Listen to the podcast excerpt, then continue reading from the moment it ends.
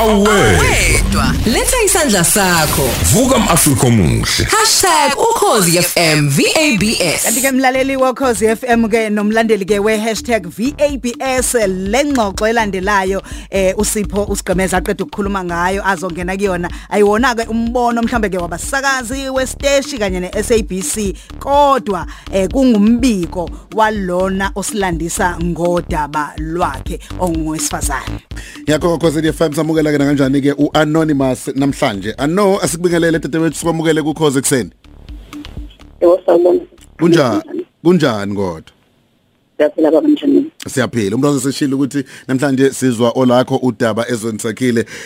Uthi wehlakalelwe inkinga kwenze njani mhlawumbe ulandisa nje umlaleli ama imzuzu owodwa ne- ne- nesigama. Eh, ngiye ngafika komunye umuzi ngizolungisa indaba yami bedlozi. Mm. Eh, sahlala nje kwaba kahle konke kuhamba kahle. Ugobela wangilisa zonke izinto kufanele ngizenze. Yeah. Emva kwalokho kwaba nenkinga ke kuba khona phakathi kwakhe noma wakhe. Okay. Wadecide ukuhamba uye wahamba it was 8 of April. Mm. ube nokuhamba vele kodwa ebuke ebuye bathi ngisuke ehamba ngomsebenzi wendlu izinto besihamba kahle emva kwalokho sekwenzeke lesi sesho esakhe phakathi noma wakhe wahamba wamshiya-ke. Bahlala noma wakhe u-right futhi. Kuye kwathi ngomhlaka ngisakhumbula ukuthi bekumhlaka ba kujuni kodwa this year Mm. wafika umfana othini kusozophela oyisihlobo no- nomama kagobela. Umama ugobela uye wamfonela wamtshela ukuthi umuntu ozayo lapho-ke. Angazi kodwa uyihlobo nomama uzala udadewabo kamama. Mina okay wase yangitshela ukuthi angoqaphela yonke into akayenzayo nento akayenzayo uma wakhe ngenxa yokuthi ubengasemithembi uma wakhe Mhm. so into ebiyenzeka lapho siye sahlala ngitshela ukuthi umuntu mhlawumbe uzofike elala usuku olulodwa mhlawumbe uvakashile two days bese yahamba uye wahlala imfundo bezaba u-twelve Mm. sihlala nje naye into-ke biyenzeka bekuwukuthi uma usephehleni awusebenzisi noma yini nesitsha sami inkomishi yami indishi yami yokugeza konke nje kuba okwami konke nje umuntu uba nomuntu yakhe. Nobaba naye ngokunjalo lo baba wami wedlozi naye unendishi yakhe kanjalo Mhm. so umfana ke athathe le ndishi kagolela ayisebenzise. Iqingi engayiboni ngiyabuza hawu uma ngiyala enginalala khona indishi iphi bese yasho ukuthi hayi nansi la ngithi mina hayi ayisebenzi le ndishi into encane nje kuyena bekuvele kube ngathi sungikhulume mhlawumbe sungithweni mhlawumbe enkulu engiphethise esho khona ukuthi angizotshelwa wuye sekhaya kamama wakhe lana akayizile kimi nje kanjalo.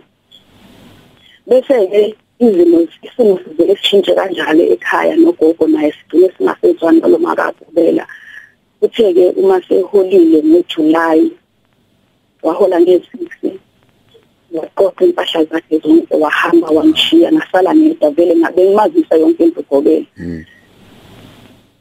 eh kubeke sekuba ukuthi umhlaka 24 wayo uJuly futhi wafika umfana ngiyayenza imoto ima ekutini ngitshela ukuthi mhlawumbe umuntu ozongena la ekhaya mhlawumbe abantwana bala ekhaya ngoba bengisele ngedwa vele Mm. ngiqhubekele ngilala ngalelo langa ngingalalanga ngekhamera engasemakhosini bengizilalele edining room ngenxa yokuthi ngangekho simeni awuhluphi ungahlambulukela ungeni emakhosini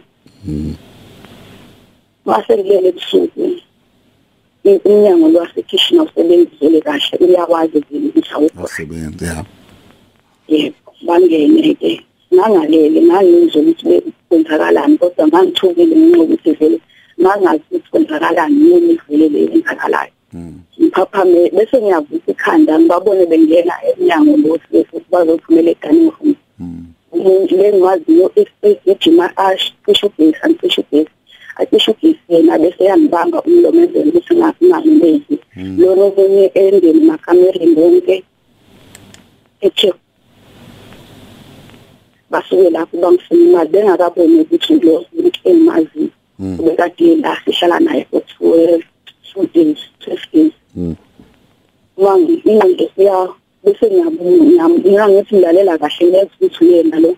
Ngiyambuza ngikhawusi kanibani ungenzani mm. Ufunani? Athi na ene ukube kuthiwa ungibheleranga ngenkathi ngilana bengeke ngize ngibuye ngizokufumeza bekayisho njalo vele ekubeni ngisho ngathiwa usehambile uzokwenza indlela ukuthi akwenze umhlukumeza noma ngathiwa akasekho kule ndawo.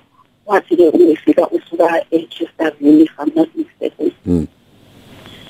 ah nje bese-ke balokhu bengitshale bengifuna imali ngithi imali anginayo. Ngiyazi ukuthi ngiyayithwasela imali ekhaya abantu bala ekhaya abekho. Engishaye-ke benze nje bangishaye nje. Ngisukumeke esinganamafoni awu-two i-one le engisebenzisa njengamanje. Nakhona ukuphula ukundlela nayo ngabaleka ngangena ekamereni ngase ngayiphonsa ngayiphosa phansi komgede. Lena encane yasala yayisechajile omunye wayelokhu ebhizile eqoqa yonke into. Engena nasekamereni leni isebenza ezamapundla amakhosi epetulula nje ifuna shekahle ngokwami ngabona ukuthi bafuna imali. Mm. So imali-ke yayingekho. Waqhubeka nokungishaya omunye mkhuzi ukuthi hayi ngiyekele lo muntu ngoba ayikho nalento silethele yona la. Esiyona hayi ngifuna azayekele lokuthi utshela ukuthi ngamanzi indoda yena ngithi so baqhubeke-ke. Lo munye aqoqe yonke into ayidingayo ukudla efrijini iy'tofu everything lokhu ababekudinga lo nomunye lo engaziyo wayebhizi ngelokhu engishaya siza nje. Kuze kuthi-ke ngesikade engisukuse ngoba sase sisekamereni lamakhosi engisukuse sishone kwelinye ikamero efuneke ngibophe izandla ngibeke engishayise ebondeni engishaye phansi nje ubuso babuzivukele straight kakhulu. Okubeni bengakhona ukubona kwesinye isikhathi kushatha isikhathi ukuthi amehla amaphathi ukubona kahle. So kuye-ke suka lapho wangisusa wathi nasigibele embhedeni lo ongale kamereni. Si- si- sigibele uma sigibele embhedeni asingicomfort kanti icomfort lo okade eqoqa lo omunye usehambe nayo vele wayesemtshela ukuthi ayikho lento esiyivela Ayikho into esiyivela. yeka lo muntu ngoba vele uyasho ukuthi akasiyo wala ekhaya futhi ayithwasa lento asizoyenza na ayikho futhi ayisebenzi. Ngiyeke lo mntwana. Bese kuyaphuma lo munye egcina ihambile kanjani esale lona-ke kube yena wasale wangihlukumeza wangirepha usureyishwa yilona vele umjwayelo mazi. Lo engimaziyo wa- Mhm. sorry sifuna ukubamba lapho ngoba ngizama ukuthi si- sisheshise ngesikhathi esesinaso. Ugobela uyamtshela ngalokhu amaphoyisa uyalibika lolu daba? Ngiye ngamtshela ngamtshela nje ekuseni ngoba baze waphuma ngo-five ekuseni Mm. ha nani- elokhu bekhona la nawe. Bekalokhu ehleli la nami ebusuku. Waze waphuma-ke ngo-five ekuseni wangishiya ngipengibophile ngakwazi ukuthi ngiphule kundlela kulohulumbofa kwakhe ngakhona ukuzigaqa inyawo ngoba kwashothi wayibophele phezulu. Ngathi uma ngithi ngehlise uma ngingekazinyawo lento engibophe ngayo yakhona ukwehla ngenzansi yase ngikwazi ukukhipha inyawo ngakhona nokugaqa ngezandla-ke wayimase ngikhona-ke lokuthi ngiphume ngizeke amakhelwane losisi ngijwayele U- ngafika nga U- u- uthini ugobela? Ma. Mawumazisa kanti. Ugobela ngiye ngamfonela ifoni yakhe yayingangeni ngize ngisende WhatsApp ifoni yakhe futhi iphethe uyofisanayo lapha kakhona khona. Bese ke ngiyazi okungihambe mina ngiyele endlini ngimthele umfonela amaphoyisa athi angilinde ayeza. Ngize ngifonele ilo sisi ukuthi ongisizile mangena kathi bese kuba uyena osemfonela ugobele emtshela ukuthi hayibo usibani bani emtshela ukuthi kade la ulimele usha uthi ungenele izigebengu lapha kodwa kusezigebengu sana ololo zevakashini angazi ukuthi waphendula wathini ngoba ngase ngekho mina ngami ngihambile esibhedlela kwahlabisa uye wangifonela wakhuluma nami-ke wasethi uma ngoba ngisasebhizi nabodokotela wathi sokuye sikhulume sakhuluma. Kodwa senzi lapho saxoxa nje sinokuxoxa WhatsApp ngiyasaba-ke nokuhlala khona ngoba ngingedwa ngiye ngahlala kalosisi losi wandiphendule ugogo lo engihlala kuye wamkhuluma naye wamtshela ukuthi hayibo umakhumalo phela ulazi namanje uyasaba nami sengiyasaba ngoba lento le yenzekile lo muntu sesizwa ezindaba ngathi kukhona ilento akayazi ngami nje kunezinto akazikhulumile akayiconfessile lokho kuloma wakhe gobela so bese silona-ke okay since wadina lapho bekukhuluma nami ku-whatsapp nanokuthi angifonela kaphinda angaze wafona kuze kube manje ngifisa ngikhuluma nomseshi umseshi wangitshela ukuthi aka akavumi ukuthi basebenzisane ukuthi wakhuluma nokuthi uma wakhe njengamaphini sokugula ngekhanda. So njengamanje angizazi ukuthi ngithi okay. Ingenabo-ke abazali ubaba nomalume ubaba omncane nokhale kubona kade bezama ukumsiza kuso sonke lesi simo sokuthi ngikhozi ngiphume laphaya alright. Um anonymous siyabonga ukuthi ushare nathi lolu daba lwakho. Mhlambe soke siphinde sibheke nasesayidini labo bonke labantu abeka kubona ukubheka ukuthi sekuhambe kwafika phi. Eh kodwa ke siyaxolisa ukuthi ebuhlungu kanjena igcine yenzekile kuwe. Mhlawumbe umuntu engifuna ukuvala ngayo ngaphambi kokuthi seyindabeni zezemidlalo yini ayisho kwena ukugobela ngenkathi ehamba? Washo wathi ukushiyelani uma sehamba yena ukushiya kanjani ngalephi futhi? Izinto bezihamba kahle.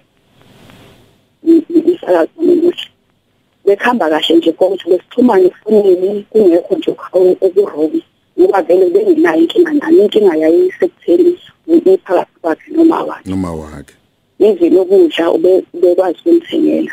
Kodwa Ngoba ngikasethi- ke imake njengomuntu obevele e- ekusiza mhlawumbe ngizama ukwenza isibonelo eh, ngikubizile ngithi iza kwami. Musufika kwami sengihamba mina kumele ngisho phela ukuthi hayi ngizolokhu ngibuya ngizokubona noma ayi liyaphela ubudlelwane bethu la zama ukuya kwenye indawo ngoba nami sengiyathutha la ekhaya ngiyahamba. Lokho engizama ukubheka ukuthi uma ekushiya wena la ekhaya ukushiya ngaliphi? Ukushiya uyini? Usadla amagobongo? Usenzani? Lapho-ke ke waye ngokwakhe wathi ulinda abasekhaya ngoba babefanele befike vele okay. Beze bezokhuluma indaba zokuthi ngibuyelane nekhaya ngifuna kanjani futhi.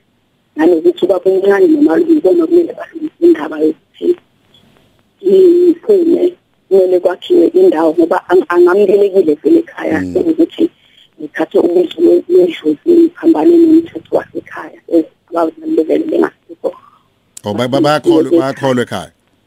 Yebo nami vele ngisuka khona ebanjeni lesindiso so Okay. idlozi lengithole ngivele ngikhona. Alright.